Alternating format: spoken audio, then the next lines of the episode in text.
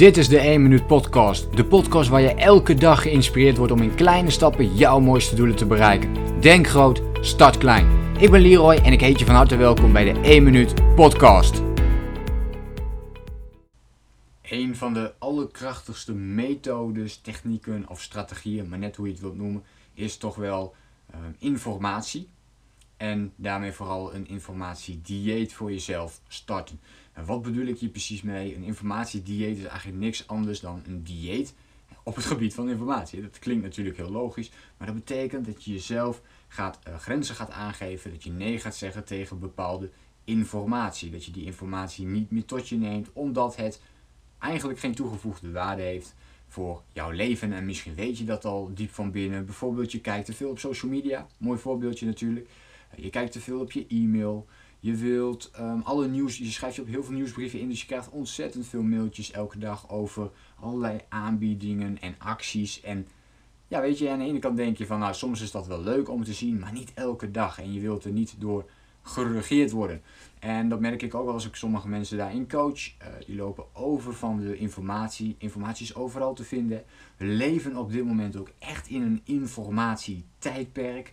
Um, deze jaren zijn gewoon volgestroomd met informatie. Je hoeft maar iets, weet je, je hoeft maar iets te weten over, ik noem maar wat, of je wilt iets weten over hoe je bijvoorbeeld je eigen bedrijf start en je kunt het googlen tegenwoordig. Je hoeft maar iets te willen weten over een bepaalde camera die je wilt gebruiken en je kunt het googlen. Je wilt uh, weten hoe je moet afvallen, je kunt het googlen en het wordt je allemaal gegeven. Alles wat je wilt vinden, wat je wilt zoeken, dat uh, kun je gewoon vinden. Heel toevallig had ik het gisteravond nog uh, met een, uh, een, vriend van me over. en toen begon ik hier ook over. Ja, weet je, we zitten nu zo in die informatiesector. en als jij ook bijvoorbeeld je eigen bedrijf wilt starten, weet je, je kunt, een, je kunt informatie geven aan mensen. En dat kun je bijvoorbeeld verkopen hè, in, in, op manier van programma's, cursussen, dat soort dingen. Nou, hoe onmogelijk was dat jaren, jaren geleden?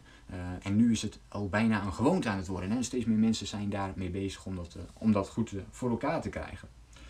Dus dat informatiedieet kan je veel productiever maken, veel meer focus aanbrengen.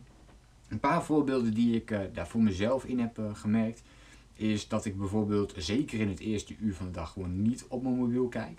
Uh, dus dat betekent ook een, een afname van de informatie natuurlijk.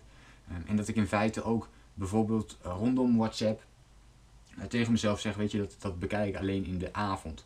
Um, en dus dat zijn mijn verwachtingen ook heel duidelijk in naar bijvoorbeeld mijn partner toe of naar mijn vrienden toe. Van joh, um, ik bekijk die dingen over het algemeen in ieder geval in de avond. Natuurlijk kan het altijd zijn hè, dat je smiddags ergens hebt afgesproken. Dat je van tevoren nog net even wat dingen wilt regelen. Dan is het een andere situatie natuurlijk. Maar in principe um, is het gewoon op de avonden. En hoeven mensen in ieder geval niet eerder te verwachten dat dat uh, gebeurt. Dat is ook een vorm van informatiedieet. Een uh, andere vorm is gewoon heel veel dingen niet meer bekijken. Van nature heb ik wel een beetje de neiging om, uh, om ook natuurlijk wat veel dingen te doen. Hè, of meerdere boeken uh, te kopen en dan verschillende dingen allemaal te lezen. Maar kijk eens heel goed, wat heb jij nu echt nodig? Wat is informatie waar jij echt iets aan hebt op een bepaalde manier? Omdat jij, het, omdat jij er of heel erg geïnteresseerd in bent je kunt ook heel veel interesses hebben. Als je heel veel interesses hebt, dan zou mijn advies wel zijn om te kijken wat zijn nou mijn top 3 interesses bijvoorbeeld. En ga dan eens alle informatie die je binnenkrijgt, um, elimineer dat. Dus gooi het weg, behalve alles wat gericht is op die drie interesses. En als dat nog veel te veel is, ga het dan nog meer terugbrengen naar bijvoorbeeld één interesse. En word daar dan gewoon heel erg goed in. Zoek daar wat meer de diepgang op. Meestal is het nieuws of de informatie die je zoekt, uh, ja, dat is toch oppervlakkig. Het, is makkelijk behapbaarheid is heel erg, je kunt het lezen en dan hey, en, en make sense. Maar ga eens wat meer de diepte in op een bepaald onderwerp en kijken of je daar misschien iets meer mee kunt gaan doen. Misschien een eigen bedrijfje kunt starten of misschien uh, daar andere mensen mee kunt gaan helpen of iets dergelijks. Dat is ook een vorm wat past binnen het informatiedieet. dus verminder daarin vooral jouw informatie. Kijk wat minder op de televisie bijvoorbeeld. Kijk wat minder series of bijvoorbeeld ook films over het algemeen moeten we daar wat meer uh, in matigen. Uh, dat geldt natuurlijk niet voor iedereen. Uh, iedereen die, heeft, die zit daar weer anders in. Maar dat zijn een paar dingetjes waarmee jij eraf voor kunt gaan zorgen dat je minder bezig bent met het vergaren van informatie. Maar wel meer gaat doen met de informatie die je ook binnenkrijgt.